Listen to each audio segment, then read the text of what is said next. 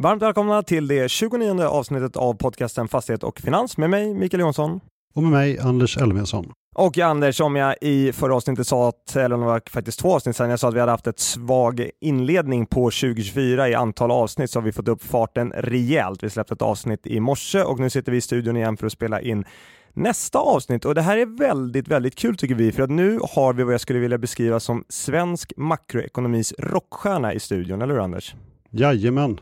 Så jag vill passa på att välkomna Annika Winst. Tack så mycket. Och Annika, du är ett välbekant ansikte för många svenskar. I flera decennier har vi kunnat se och höra dig i tv, radio och tidningar. Och din karriär tog sin början på Lunds universitet och studier i nationalekonomi. Första arbetsplatsen blev sedan eh, Finansdepartementet. Eh, men det som anställd på Nordea du gjort dig mest känd. Du började på Nordea för 30 år sedan, 94 och blev Nordeas chefsekonom i Sverige 2008 och det här var en väldigt kort sammanfattning av din karriär, så jag tänkte låta dig lyfta tre händelser eller uppdrag som du haft utöver vad jag just sa som du känner lite extra stolt över. Mm. jag är väldigt hårt hållen, för jag har ju suttit i marknaden sedan 2000, så vad jag får göra vid sidan om är extremt begränsat. Men det finns några saker som jag ändå tycker är bra och den första som jag tänkte nämna, det är motiveringen. Jag blev årets bankprofil 2012 och just hur de uttryckte där och då eh, var motiveringen få kan som hon på ett så pedagogiskt sätt förklara komplex ekonomi. Och det har jag haft extremt stor nytta av. Eh, så att, eh, därför så tycker jag att det var en bra... Det används fortfarande. Det är 2012, det är mer än tio år sedan. Men det är fortfarande ganska ofta som jag presenteras med den där eh, motiveringen. Så den var, den var bra genomtänkt. Eh, och sen eh, så ha, blev jag hedersdoktor på Lunds universitet och det var 2018 och sen har jag också suttit i styrelsen på Lunds universitet i sex år, varav tre som vice ordförande och eh, det är viktigt att vara nära akademin. Det är ett hedersuppdrag och det är jag väldigt stolt över och eh, som, som utomstående kan man väl inte komma så mycket högre där så att eh, det känns också bra. Och det är bra för banken. Vi vill gärna ha en relation med studenter. Det är både eventuella kollegor men också kunder så att det är viktigt. Att vara hedersdoktor måste ändå vara, det måste smälla ganska högt. Ja, det kändes väldigt bra för att bli. Jag känner mig hedrad på riktigt. Det var fint i domkyrkan och extremt högtidligt. Lund, Lunds universitet universitet ju, har ju anor sedan väldigt länge, så det var speciellt. Eh, och sen nyligen så blev jag invald i IVA, Ingenjörsvetenskapsakademin, så det är det tredje jag väljer. Och det väljer jag för att eh, det är ju från början mest ingenjörer där, nu är det lite fler ekonomer också. Eh, men då får man ett extremt bra nätverk i näringslivet. Och jag tror med de komplexa frågor som vi har idag i samhället, både globalt och i Sverige, så måste vi mötas över utbildningsgränserna. Det är bra att ekonomer och ingenjörer och andra pratar med varandra om, om komplexa och viktiga frågor och, och det gör IVA på ett bra sätt. Så det har jag också haft nytta av. En, eh, bara en snabb nyfiken fråga. När Nordea idag anställer folk till makroanalysavdelningen, är det främst ekonomer eller ingenjörer man anställer? Makro är faktiskt bara nationalekonomer. Eh, men däremot om man tar handlargolvet, vi sitter ju på handlargolvet, eh, där är man ju intresserad av inte minst av folk som kan matte och kan programmera. Och eh, vi som är lite mer seniora nationalekonomer som jag, vi har ju inte programmering. Så att där är ju de unga outstanding och det frågar vi alltid om vad de kan för språk, alltså programmeringsspråk. Och, och oftast kan de något så kan de ju lära sig det ganska snabbt. Men det behöver vi använda dem till. Så att det är ju en, det är ett annat CV du behöver idag idag än när jag anställdes. Mikael här lyckades ju med bedriften att genomföra 400 kundmöten förra året. Men det känns ju som att eh, du kan vara en av få i Sverige som lyckas slå den här siffran. Man ser den nästan överallt känns det som ibland. Hur eh, många olika events och kundmöten deltar du på under ett år? Jag räknar dem faktiskt inte och för mig handlar det inte om antalet heller utan det är snarare kvaliteten. Och eh, mina kollegor eh, i, ute i banken runt om i landet de har lärt sig att jag kommer bara om agendan är väldigt bra. Jag, jag slösar aldrig med tid. Jag måste se till att det passar med restider och sen så vill jag träffa bra kunder, rätt kunder och det ska vara effektiva möten så att det, det går i ett i ett och när jag reser på det sättet då har jag ofta en jag brukar säga att helst inte fler än fem om dagen, för då vet man inte riktigt vad man pratar om. Sa jag det här alldeles nyss? Eller var det på förra mötet jag sa det? Om man har ungefär liknande. Vissa grejer är ju intressant för alla. Eh, men så försöker jag dela upp det då. Att jag träffar, jag kan ju prata allt på, från studenter på universitet till att träffar en enskild kund. Jag bara sitter med en person. Eh, eller så kan det vara upp till 1500 som sitter och lyssnar i något auditorium. Så det är väldigt blandad kompott. Men kvaliteten är superviktig. Och mellan tummen och pekfingret så skulle jag säga att jag gör en dragning varje dag, eh, året om. Någonstans. Så det är väl i, ungefär i nivå med dig. Men sen, det är blandad kompott, alltifrån internt till externt. Ja men verkligen. Eh, jag håller med om att eh, max fem möten per dag för att på sjätte mötet där då har man ingen aning om vad man har sagt i vilket möte. Och sen ska jag ta med mig det här med, med kvalitet för kvantitet. Det känns som att vår sales då på det golvet där jag sitter, de premierar mycket kvantitet. De vill att man ska mm. överallt samtidigt. Ja, nej, det har jag sagt att det får någon annan göra. Men du, innan vi går på tunga ämnen som eh, svensk fastighetssektor, Riksbanken och ränteprognoser så skulle jag vilja höra lite mer om hur du då som är Sveriges mest kända chefsekonom investerar dina surt förvärvade slantar. Mm, och då är det så tråkigt att är man makroekonom så är man väldigt sällan intresserad av privatekonomi och sin egen ekonomi. Alltså jag känner många nationalekonomer och det är nästan ingen som är intresserad av sin privatekonomi, utan vi har ett eh, helikopterperspektiv. Men jag gör som alla andra. Jag investerar i mina bostäder, jag har fonder och jag har aktier. Men sen är det mäckigt att sitta i marknaden och göra investeringar. Jag orkar inte hålla på med det där att man ska ju anmäla vad man gör och inte gör. Så att jag är ganska boring, men det handlar ju mer om var jag sitter någonstans. Svensk fastighetssektor har fått ta mycket stryk på börsen och även i media de senaste två åren. Och du som främst är verksam på svenska finansmarknaden och följt hela det här händelseförloppet på håll, vad är det som har förvånat dig mest? Jag skulle vilja säga att det som både kanske förvånar och besvärar mig, det är att man beskriver det som en enhetlig marknad. Eh, och man gör det även från kompetent håll. Och det, det är besvärande, inte minst för Sverige, för att vi målar upp en bild. Eh, vi har ju fastighetsmarknader som är kort skuldsatt, stora skulder till kort, korta löptider. Eh, och internationellt så väcker ju det uppseende och då är det väldigt viktigt att man nyanserar den bilden. Om vi tänker oss att vi har hela marknaden så, så är det ytterkanten ytterkanten eh, som du har toppkvalitet och de har inga som helst problem och i den andra ytterkanten har du de bolagen som har eh, stora utmaningar och där mitt emellan så har du ju bolag som har skött sig ganska hyfsat väl och klarar sig om det inte de här bolagen som har riktiga problem smittar ner dem ordentligt. Men det behöver man nyansera. Det är ju inte så att allt är kass och det är inte så att alla blir inkallade och behöver eh, slå, eller slår i sina kovenanter och behöver vidta åtgärder, utan det är ju en liten grupp och det behöver man eh, lyfta fram. Så ni bryter snarare ner det på bolag och segment och kanske när ni pratar om svensk fastighetsmarknad? Jag brukar beskriva det som de här olika delarna i marknaden och eh, blir det riktigt, riktigt allvarligt, jag menar då får eh, i stort sett alla pisk. Eh, men, men där är vi inte som jag ser det än, utan det är ju i så fall om det kommer in i banksystemet och då hoppas jag att man har vidtagit åtgärder långt eh, tidigare. Sen ska man ju komma ihåg att de här allra bästa bolagen, de sitter ju med jättefina balansräkningar. De sitter väl bara just nu och väntar på att den ena stöd blir den andres bröd. Eh, och jag träffar ju många företag i andra segment också som har gjort det. Så då har du likviditet och sköter dina balansräkningar pengar. Och I fastighetsbranschen så är det ju de bolagen som han har pratat lite illa om för att de har varit extremt tråkiga. Nu äger ju de. Eh, så det visar ju sig att den här långsiktiga strategin den eh, kan vara värdefull. Och eh, det jag också tror att man kommer reflektera över när man tittar tillbaka på den här perioden, det är ju att det är ju en sån extrem arena med de här låga räntorna under så lång tid. Jag är ledsen, trampar säkert någon lyssnare på tårna, men man har inte behövt vara Einstein för att tjäna pengar i fastighetsmarknaden, utan låga räntor, eh, priser som stiger och lång kö på det som ska säljas. Eh, det är ganska enkelt. Det som händer nu det är ju jättemycket svårare. Nu kommer vi skilja agnarna från vetet. Nu är det hög ränta, kön är borta och ehm, du måste fylla fastigheter. Inte ens det har ju eh, många av de som varit yngre behövt tänka på ens. Det har bara skett av, av sig själv. Men det har initierats en del granskningar här och utredningar kopplat till både transparens i bolagens rapporterade värden och även hur man kommunicerar genomförda affärer. Till exempel då Finansinspektionen som har gjort detta gällande fastighetsvärdering. Vad tror du det kommer minna ut i och kommer det förbättra situationen på marknaden?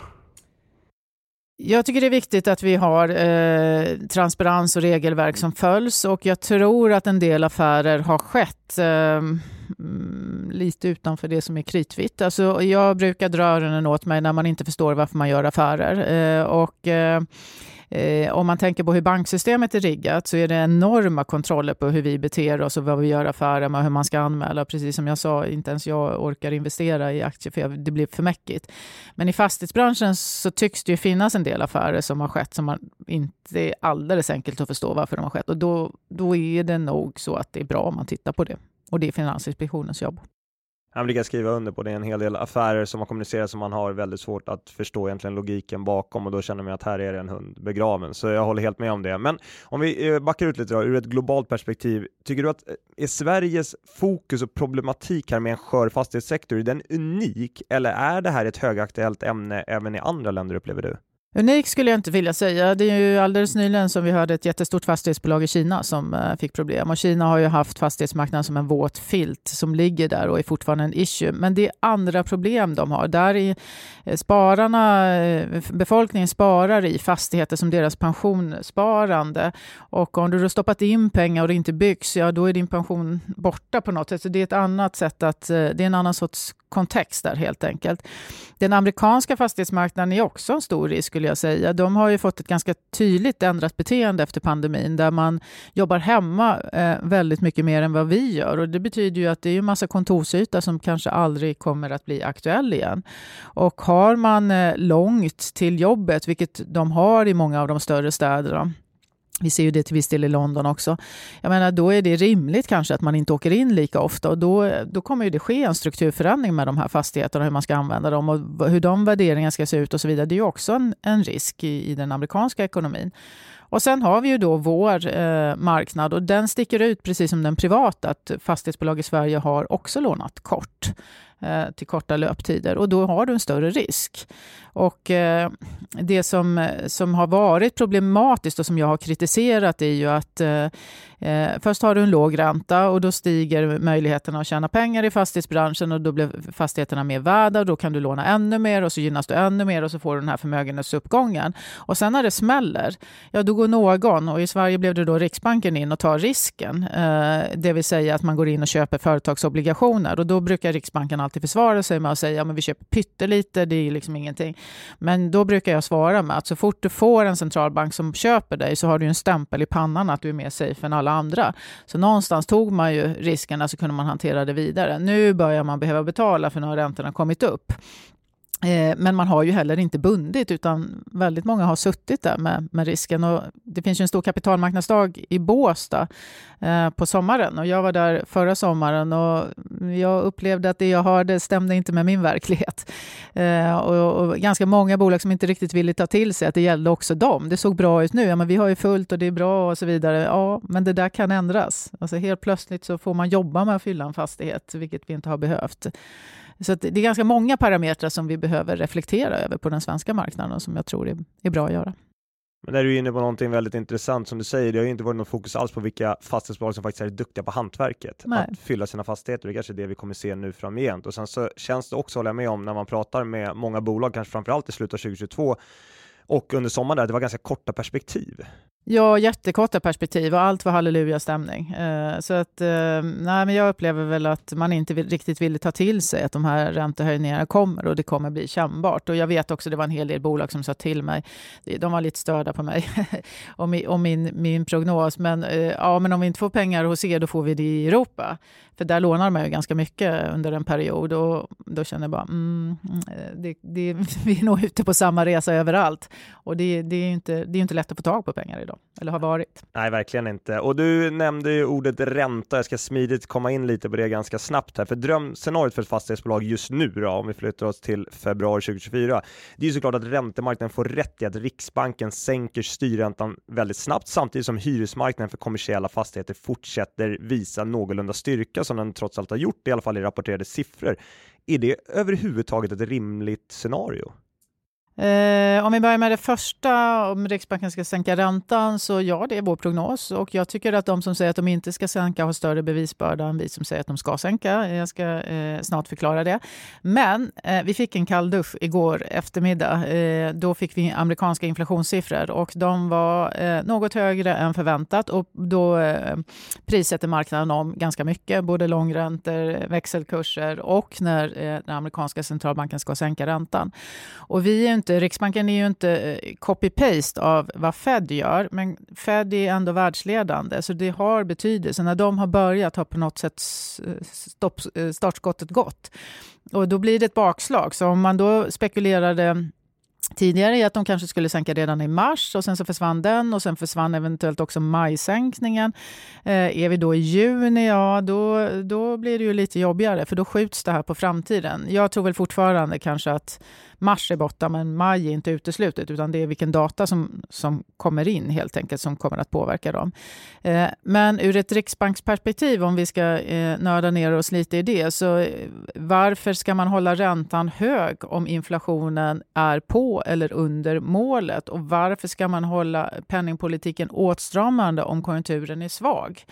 Eh, och i en konjunktur, så, konjunkturen svag så försämras också arbetsmarknaden. Och vår prognos, och vi sticker inte ut nämnvärt, det är ju att inflationen, nu är den hög precis här i början av årsskiftet, då är många som höjer priser eh, när, när man har ett nytt år och så vidare. Men sen kommer den ligga på målet första halvåret och redan till sommaren så räknar vi med att inflationen ligger under målet och det är hela vår prognosperiod, alltså 2025 ut. Och samtidigt är ju, har vi minustillväxt, recession för svensk ekonomi förra året och vi tror också att vi har det i år och säger att vi har fel och det blir plus en halv så är det ändå väldigt svagt. Och det vi ser nu är att arbetsmarknaden viker och då har man ingen lönepress. Så att eh, det, det, finns inget, det finns inget riktigt bra argument eh, för att inte sänka räntan. Och 4% styrränta är en åtstramande ränta i det läge som vi befinner oss. Det som möjligen kan ställa till bekymmer är ju kronan. Eh, och då, det är därför som vi också är intresserade av vad de andra centralbankerna gör. Och just nu så har vi en växelkurs som jag tror att Riksbanken kan leva med. Men säg att kronan igen försvagas upp mot 11,75 någonstans, då tror jag de skjuter på sänkningen. 11,75 gör, det gör för ont. Men, men där vi är idag, 11,20, eh, 11,30 någonstans, ja, det kan Riksbanken leva med. Så tolkar jag det rätt så ska man egentligen, om man eh, säger att man arbetar på ett fastighetsbolag, man ska egentligen utgå från att det kommer bli ganska snabba räntesänkningar, men man kan också förvänta sig att det kommer vara lite svagare hyresmarknad. Ja, eh, sen hur många de hinner med. Vi har ju en räntesänkning på varje möte eh, och jag tror att eh, svensk konjunktur kommer vara så svag att det är lika bra att sänka. Sen har vi inga sänkningar 2025. Eh, och eh, historiskt så har det varit lite olika där den amerikanska centralbanken ofta varit väldigt snabb upp och ner medan den europeiska och Riksbanken varit lite långsammare. Men nu är det ju vi som har den svaga konjunkturen.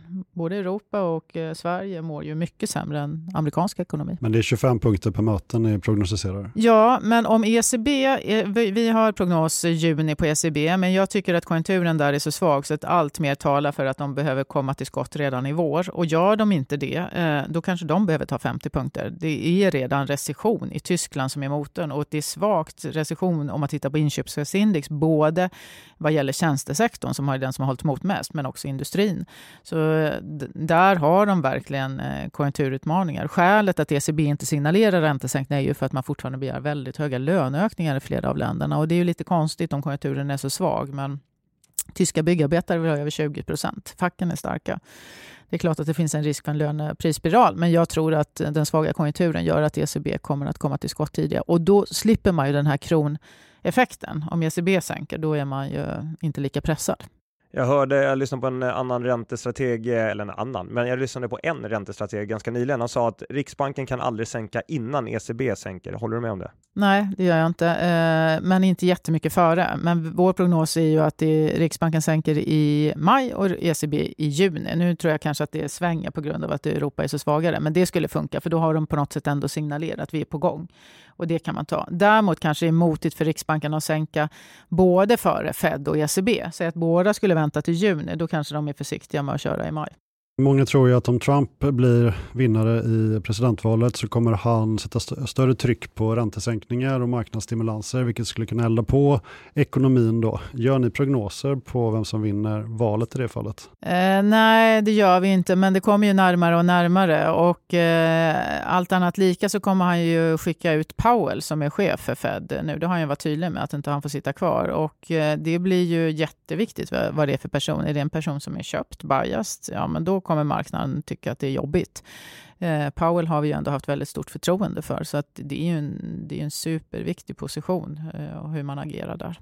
Um, om man eh, kommer tillbaka till svensk marknad, 2023, det slog väl alla typer av konkursrekord egentligen i Sverige. Um, hur ser du framför dig att svenska företag kommer kunna utvecklas givet utsikterna för svensk ekonomi? Ja, fast då skulle jag nog vilja sätta det i en kontext. Eh, ja, många konkurser, men från en extremt låg nivå och där vi inte hade haft några konkurser överhuvudtaget på grund av pandemistöd, krigsstöd, skatteuppskov med det ena med det tredje. Och det är inte bra, för att man behöver ha konkurser. De företag som inte håller måttet, de ska dessvärre slås ut. För resurserna, oavsett om det är kapital eller arbetskraft, ska gå till de företag som är konkurrenskraftiga. Så det är snarare så att vi har skjutit oss lite i foten och låtit de här bolagen få leva lite för länge. Och därför så blir det en catch-up-effekt nu. Nu klarar de inte det längre, särskilt skatteuppskovet när det tog slut. Då blev det besvärligt och det, det finns fler bolag som, är, som har jobbigt där nu. Eh, och sen ovanpå då en svagare konjunktur. Eh, så att, eh, och media älskar ju att blåsa upp det här till de här extrema siffrorna. Men det är lite samma sak när ni, när ni tittar på eh, varslen. Det var också på jätte, jättelåga nivåer. Så att vi startar i ett fantastiskt utgångsläge. Eh, och det behöver man ha med sig när man tittar på de här siffrorna. Eh, sen, sen stiger både varsel och konkurser, men det är rimligt i en, i en lågkonjunktur. Och eh, allt är inte dåligt som sagt. Nej, och när du pratar så låter det kanske snarare som lite av en mjuklandning.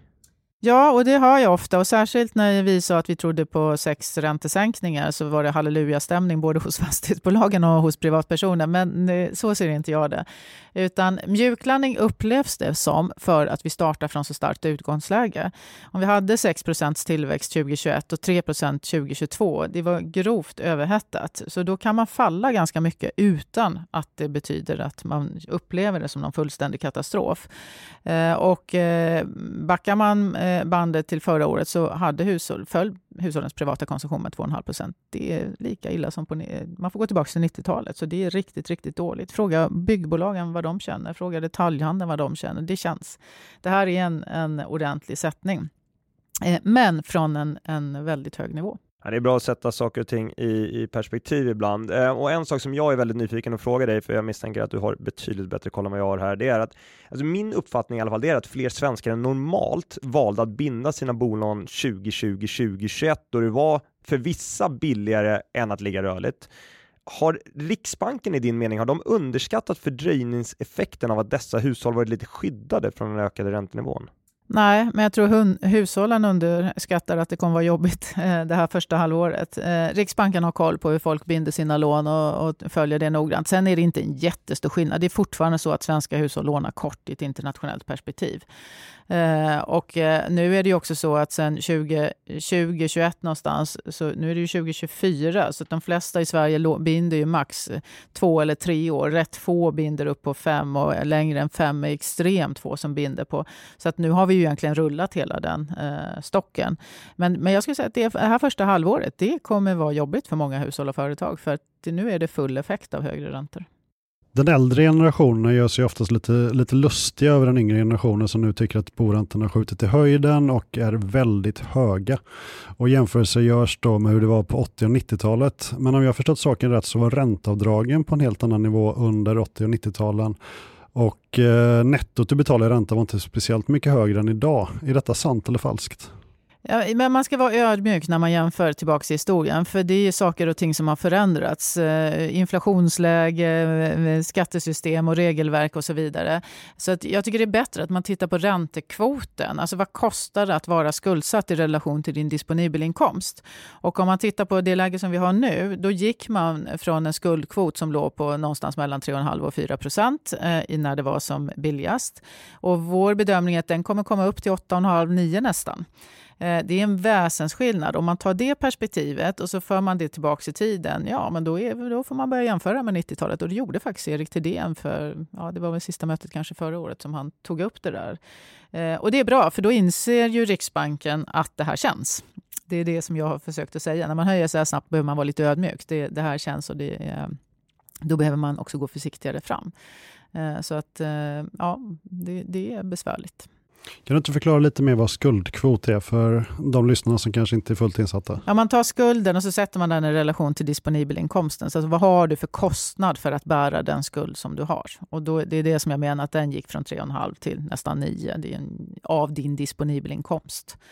Eh, så det är, det är ju en dramatisk förändring. Och jag tror att man kan tänka sig att betala kanske 9% för att bo eh, i ränta eh, eh, en kort period. Men jag tror inte folk är beredda att betala det eh, forever. Utan då betyder det ju för ganska många att man inte kommer att ha råd att åka på semester. Och jag hör också hushåll som säger att de slutar spara till sina pension eller till sina barn för att det här, man tänker att det här tillfället snart är räntan tillbaka. Så det är ju rationellt att göra det då. Men eh, i längden så är det ju inte det och då vill du inte betala lika mycket för ditt boende och då måste den eh, skulden ner eller åtminstone räntekostnaden ner. Jag och Mikael deltog på en konferens i Åre för två veckor sedan och på konferensen var även JMs avgående vd Johan Skoglund och han uppmanade publiken att köpa en bostad nu om de gick i de tankebanorna för 2026 når bostadspriserna ett nytt all time high. Hur ser du på prisutvecklingen på bostadsmarknaden och eh, tror du att Johan har rätt här? Ja, men Johan är ju biased, en klok person, men, men i det här läget är han ju biased. Han jobbar ju i den sortens bolag. Eh, jag tror normalt, eller historiskt brukar det vara så att när centralbanken börjar sänka räntan, vilket vi tror då ska ske i maj, juni någonstans, då börjar bostadsmarknaden bottna ur. Sen ska du liksom hitta nya jämvikter och det som är problematiskt på den svenska bostadsmarknaden är ju att vi har ett jättestort utbud som ligger där. Eh, när man tittar på prisutvecklingen eh, den senaste tiden så det som har sålts är ju det bästa det sämsta kommer tillbaks och så skickas det in igen och så dras det tillbaks och så skickas det in. Det säljs inte. Så när man tittar på priserna så är det ju, det stämmer ju inte riktigt den bilden på prisnivån utan det är den högsta kvaliteten. Och sen är det ganska många som har suttit och väntat på att det här ska stabilisera sig. Men man kan ju inte vänta hur länge som helst om man får ett nytt barn eller om man ska skilja sig. Man kan väl kanske acceptera att bo ihop ett halvår, ett år, men sen någonstans går ju smärtgränsen. Och den, det tror jag kommer hända nu. Så du får ett ganska stort utbud och det kan trycka ner priserna ett tag innan man hittat den här nya jämvikten. Ja, nej, men jag följer ju eh, bostadsmarknaden i Enskede, Åre, västkusten och som du säger, det, det bästa objekten går ju för fortfarande väldigt bra priser. Det är många som har gjort sig bra förmögenheter under de senaste tio åren och har pengar att investera. Har du någon tanke kring vad eh, du tycker att regeringen borde göra i termer av att liksom få igång bostadsbyggandet? Det är mm. ganska mycket diskussioner om det just nu. Mm. Det har jag. Och eh, det jag tänker är att eh, eh, när det går så här dåligt som det har gjort en tid, då det man hör är ju då att nu måste någon göra något.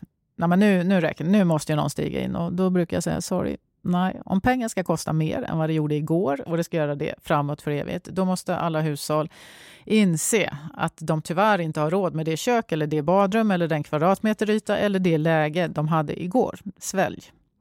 Det är ingenting man vill svälja, utan man vill gärna att någon annan ska ta notan. Och vi har indoktrinerats egentligen sedan finanskrisen att någon annan hela tiden tar notan. För så fort det har blivit jobbigt så har centralbankerna gått in och tryckt ner räntorna eller ut mer pengar, köpt obligationer eller vad det nu de har gjort.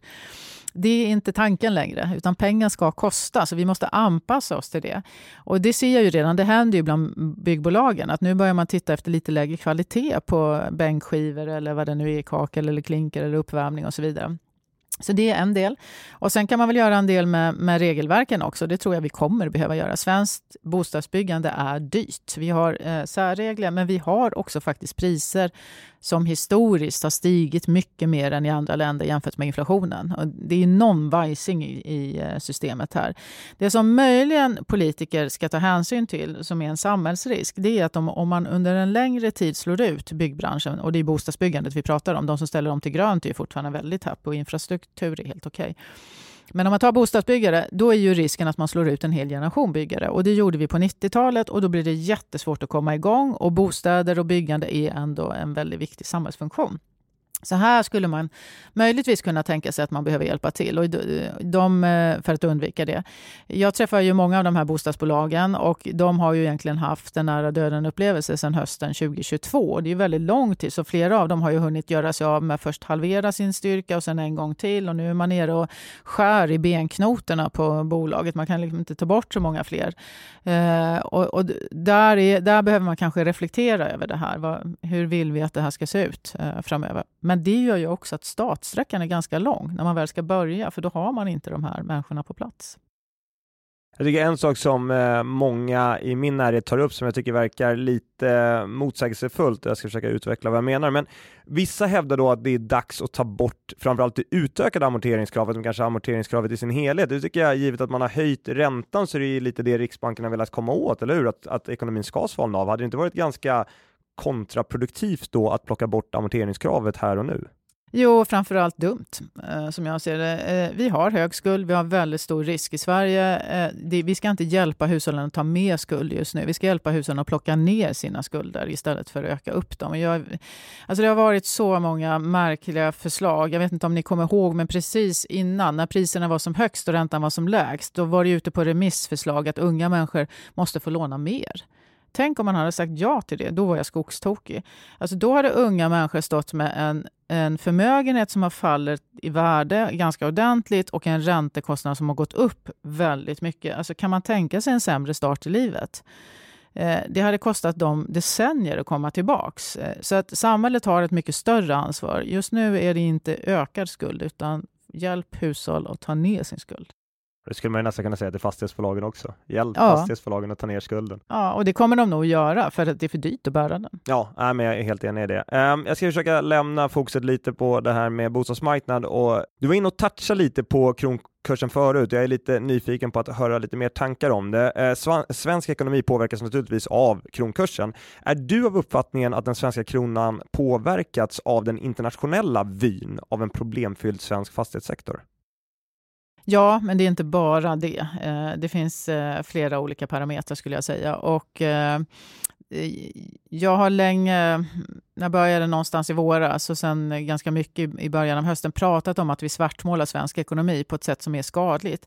Jag brukar säga att jag vet inget annat land som pratar illa om sig själv och sen utgår ifrån att alla ska förstå hur bra man är. Det är en väldigt dålig strategi och det har vi hållit på med. Och det vi gör då, eh, det är fastighetsbranschen som vi svartmålar och det var det här som jag pratade om innan, att man drar alla över en kan. Det finns ju jättefina bolag. Vi måste ju beskriva det på ett klokt sätt. När man pratar om svensk eh, bostadsmarknad internationellt så, så har vi ett jätte, jättehög andel som lånar kort och vi har stora skulder. Om man bara säger det, punkt, så kan jag förstå att man som investerar i Asien blir livrädd. Jag har träffat dem. Det var jättemycket frågor om det. Men om sen i nästa andetag förklarar att det finns inga hushåll i Sverige som inte betalar sina räntekostnader. Bankerna har aldrig förlorat pengar på det, utan det får konjunktureffekter. Ja, men då blir det en liten annan sätt att se på det hela. Så att vi har ett sätt att väldigt onyanserat beskriva svensk ekonomi. Svensk ekonomi är mycket bättre än vad folk tror. Vi är konkurrenskraftiga. Om svenska företag inte hade varit produktiva och konkurrenskraftiga, då hade de varit döda. Det finns ingen välgörenhet där ute i världen. Man funkar inte så, utan vi har företag som, som håller måttet. Och Tyskland är vår viktigaste handelspartner. Vi jämför oss väldigt ofta med Tyskland. Vi krossar dem i produktivitet, oavsett om man kollar på industri eller på tjänstesektor. Och eh, vi har haft väldigt mycket högre tillväxt än de flesta länder i Europa. Jämför man med Norden, om man tar från eh, finanskrisen och framåt, då är, är, Norge bättre än oss, men vi är bättre än de andra två. Tar man från pandemin, då är Danmark bättre än oss och det beror ju på Novo Nordisk, läkemedelsbolaget. Vi kommer nummer två. Så att, nej, Sverige håller måttet. Det låter som du eh, menar på då att Riksbanken och Finansinspektionen kanske främst lyfter fram de negativa delarna och eventuella hot framåt medan ni banker får vara ute och träffa investerare runt om i världen och, och vara mer nyanserade i er syn. Jag tror det är bra om alla tar på sig ansvaret att vara nyanserad. Det behöver du göra när du pratar med dina grannar, kompisar och eh, kollegor. Och jag behöver göra det i mina sammanhang och myndigheter och politiker ska göra det i de sammanhang man kan. Eh, det är ingen av oss som vinner på att svartmåla Sverige, utan så nyanserad bild som möjligt. Det är viktigt. Jag tar med mig att Sverige krossar Tyskland och att Anders ska ta mer ansvar. Mm. Um, de två sakerna det är bra. Men det gäller dig också, bara så du vet. Aj då. Um, 2021. Um, alla finansmarknader gick på högvarv. Eh, fastighetsbolagen kanske främsta förmånstagare. Trots det här så valde ju Riksbanken att inte höja räntan. Hur gick egentligen resonemanget där och då? Ja, det ska du ju egentligen fråga dem. Jag började ju att vara kritisk 2015. Det var första gången jag skrev en debattartikel och ifrågasatte vad de höll på med. För då stack ju konjunkturen medan de fortsatte med nollränta. Och sen skrev jag en ny tillsammans med min kollega Torbjörn Isaksson mer eller mindre varje år. Eh, och 2021 var jag verkligen på barrikaderna. Och det var jag för att då hade man ju en chans att påverka Riksbanken. De, jag tyckte att de kunde ha höjt räntan då. Nu såg jag att Anna Breman i helgen var ute och sa att, eh, jag kommer inte exakt ihåg hur hon uttryckte sig, men någonting hade varit en fördel om de hade eh, stramat åt lite tidigare. Så nu börjar det komma insikter. Men jag tror att man var alldeles för fokuserad på inflationsmålet till varje pris. Det fanns ju riksbankschefer eh, som pratade om på hundradelen. Alltså vi importerar ju nästan allt vi konsumerar. Ja, det är omöjligt att styra inflationen med sån precision. Man måste vara mycket, mycket mer ödmjuk. Och, eh, men tillväxt på 6 och en ränta på noll, ja det kanske inte är jätteöverraskande att man får efterfrågeinflation i den miljön. Ovanpå det fick vi de här utbudschockerna med både pandemi och eh, med kriget. Så jag tror att man tittar på inflationsmålet, och där var ju inte Riksbanken ensamma, utan det är väldigt många centralbanker. Men jag är kritisk till det, för inflationsmålet är ett verktyg för att skapa stabilitet. Det hushåll och företag vill ha är långsiktig stabilitet, alltså vet vad riktlinjerna är. Konjunkturtoppar ska inte vara för höga och därmed inte heller konjunkturdalar för låga. Eh, och det gör ju att eh, det som centralbankerna och Riksbanken har gjort är att man har bidragit till att kassen har blivit större än vad de hade behövt och det är det vi tar notan för nu. Ordet fastighet då, det förekommer 132 gånger i Riksbankens senaste stabilitetsrapport. Eh, är det rimligt först och främst? Och sen, hur orolig är du för att svensk fastighetssektor ska skapa en kris i Sverige? Eh, hur många ord är det i, i rapporten? Ja, man får ju sätta det i relation till någonting. Vet du, jag är ekonom. eh, jag tycker det är rimligt att Riksbanken pratar mycket om fastighetssektorn. Men som jag sagt tidigare så tycker jag att alla har ett ansvar att eh, beskriva en nyanserad bild. Med det sagt så menar jag inte att de i sina rapporter har eh, eh målat svart. Men, men eh, jag tycker att man hade kunnat uttrycka både positiva och, eh, sidor och riskerna på ett lite mer nyanserat sätt. Eh, men, men fastighetsbranschen är ju en bransch, om det går riktigt snett, då kommer det in i banksystemet och det finansiella systemet och då har vi jätteallvarliga problem. Så det ska man undvika. Och det har jag en, en liten följdfråga på. Hade du din roll som makroekonom uppskattat en utveckling där koncentrationsrisken på just fastighetsutlåning bland svenska banker hade minskat? Eh, det är bankverksamhet, så det lägger jag mig inte i. Men däremot har jag ju varit i bank så länge att jag vet ju att det går upp och ner. Eh, ibland blir man tjock, som vi brukar säga, på, eh, på vissa segment. Och det har man varit på fastigheter. Och då blir det väldigt dyrt för banken att ta mer fastigheter på sin balansräkning. Eh, så ur den aspekten så kan det där eh, reglera sig och då finns det de som är frustrerade och menar att varför får vi liksom inte komma in här? Eh, ni måste hjälpa till. Men det som hände var ju framför allt att man öppnade upp obligationsmarknaden och väldigt många hittade kapital utanför. Och det var ju bra då, men att ha alla ägg i samma korg när eh, obligationsmarknaden försvinner, det är lite jobbigt. Så nu är det ju en del bolag som inte haft någon bankrelation. De har inte besvärat sig om det för de tyckte det var dyrt och dåligt. Och så ska de knacka på hos bankerna. Eh, I den situation som vi är nu så kommer ju bankerna eh, vara försiktiga för vi vet ju att det finns risker där ute och vi hjälper ju mycket hellre de som vi har en relation med. En kund som jag känner och vet hur det funkar, det är mindre risk än en kund som jag aldrig har sett. Eh, så att här behöver nog eh, kunden, det vill säga fastighetsbolaget, reflektera lite över hur mycket risk vågar jag ha där jag inte har en motpart? Eh, och man kan behöva ha flera motparter i, eh, när det är stökigt och världen är dessvärre mer stökig än vad den har varit. Ja, men då tänkte jag passa på att skjuta in en eh, fråga här lite på slutet. Eh, Annika, kommer vi få se dig som en del av Riksbanken någon gång? Nej, jag tror inte det. Jag vet att jag har varit på deras lista länge, men ju mer tiden går, ju mer kritisk jag är, desto större är, eller mindre är sannolikheten för att jag, att jag hamnar där. Och jag är inte helt säker på att det heller skulle vara min, eh, min bästa position. Jag, jag är rak och tydlig och eh, på Riksbanken måste man rätta in sig i ledet på ett mycket större sätt än vad jag är van vid. Däremot är det en samhällstjänst som är en viktig tjänst och de som får frågan måste verkligen ta sitt ansvar och reflektera över varför de ska tacka nej. Smickrande ändå att stå på listan. Eh, ja, men det är väl nog många som gör. Jag kom in där tidigt så att... Eh, men visst har du varit med i Dagens Industris skuggdirektion? Va? Nej, jag, sitter i, jag har suttit länge i deras bostadsråd och jag är med i makrorådet. Eh, skuggdirektionen har jag inte suttit i. Jag är intresserad av att lyfta frågor som är samhällsekonomiskt intressanta eh, för, för banken, för våra kunder och för våra prospekt. Och sen framför allt tycker jag att att min uppgift är ju att försöka peta på det som, in, som kan bli bättre. Alltså lägga fokus på någonting som man behöver reflektera och fundera över. Eh, för då gör jag nytta även när jag är utanför Riksbanken eller om jag är utanför Finansdepartementet. Eh, att, eh, och, och, det ser jag som, som mitt jobb. Vilken fråga vill du helst lyfta i det här forumet och vilken fråga tycker du är mest intressant och viktig att diskutera just nu? Om man ska ta ett svenskt perspektiv så tycker jag den debatt som vi har om överskottsmål, balansmål, underskottsmål. Och jag tycker det är helt obegripligt hur man kan prata om ett underskottsmål som ekonom. Det är ju som man sitter vid köksbordet med familjen och så säger man till varandra så här, hur mycket tycker ni att vi ska låna? Och så bestämmer man hur mycket man ska låna. Sen funderar man på vad man ska använda pengarna till. Alltså vi börjar i helt fel ände. Vi behöver börja med att fundera, vad behöver vi? Och vad kostar det vi behöver och hur finansierar vi det? Och sen eh, så ska man ju vara medveten om att det här är skattebetalarnas pengar. Att, att ge mer pengar till politiker i ett läge när det finns väldigt mycket som de är sugna på att göra, men där de har ett kortare perspektiv än det som jag ser att vi har behov av att göra. Eh, det tror jag är en risk oavsett vilket parti man ger de där pengarna till. Att, att det går till, till kortsiktig konsumtionsstimulans eller vad det nu är som, som man önskar. Och de frågeställningar vi står inför är mycket större och jag tycker inte heller bara det handlar om pengar. Vi har till exempel gett väldigt mycket pengar och resurser till polisen. Vi kommer nog ge väldigt mycket pengar till försvaret och till rättsväsendet. Eh, och det här är frågor som är viktiga för svenska folket.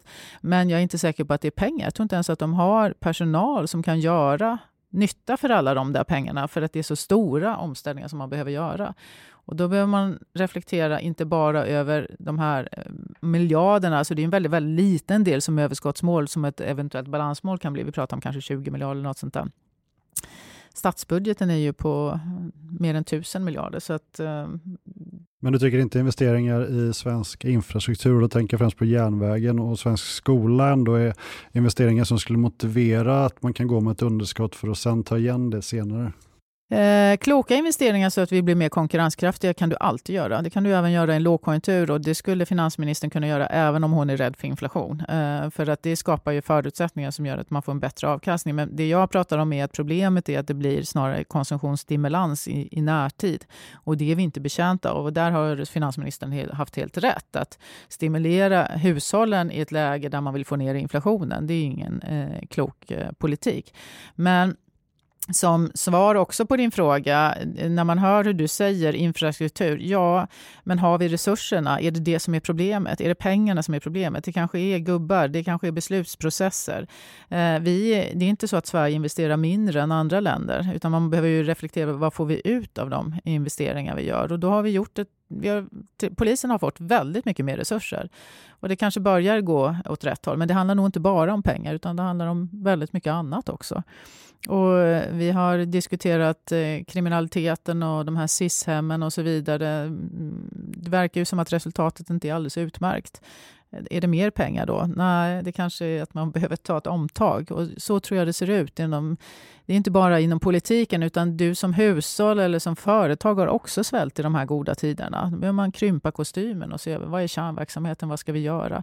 Och någonstans måste man ju ändå förstå att det här är skattebetalarnas pengar, de ska användas klokt. Hur irriterad är du på människor i din närhet som försöker leka makro eller ränteexperter? jag blir inte irriterad, men eh, det är rätt många som, eh, särskilt med facit i hand, vet exakt. ja, det känner vi igen. Annika, stort tack för att du tog dig tid att komma hit. Superkul att ha haft dig här. Verkligen, stort tack. Tack så mycket. Trevligt att få vara här. Och med det så avslutar vi det 29 avsnittet av podcasten Fastighet och Finans. Men vi skulle jättegärna be er om att betygsätta podden på den plattform som ni nu lyssnar på. Och jag kan väl passa på att ge en liten shout-out till våra samarbetspartners som naturligtvis är våra arbetsgivare Arctic Securities och Cushman Wakefield samt såklart Fastighetsvärden som vi är väldigt glada för att vi fortsatt har ett samarbete med, eller hur Anders? Jajamän, och så får vi önska er alla en trevlig vecka. Det får vi göra. Ha det så bra. Hej!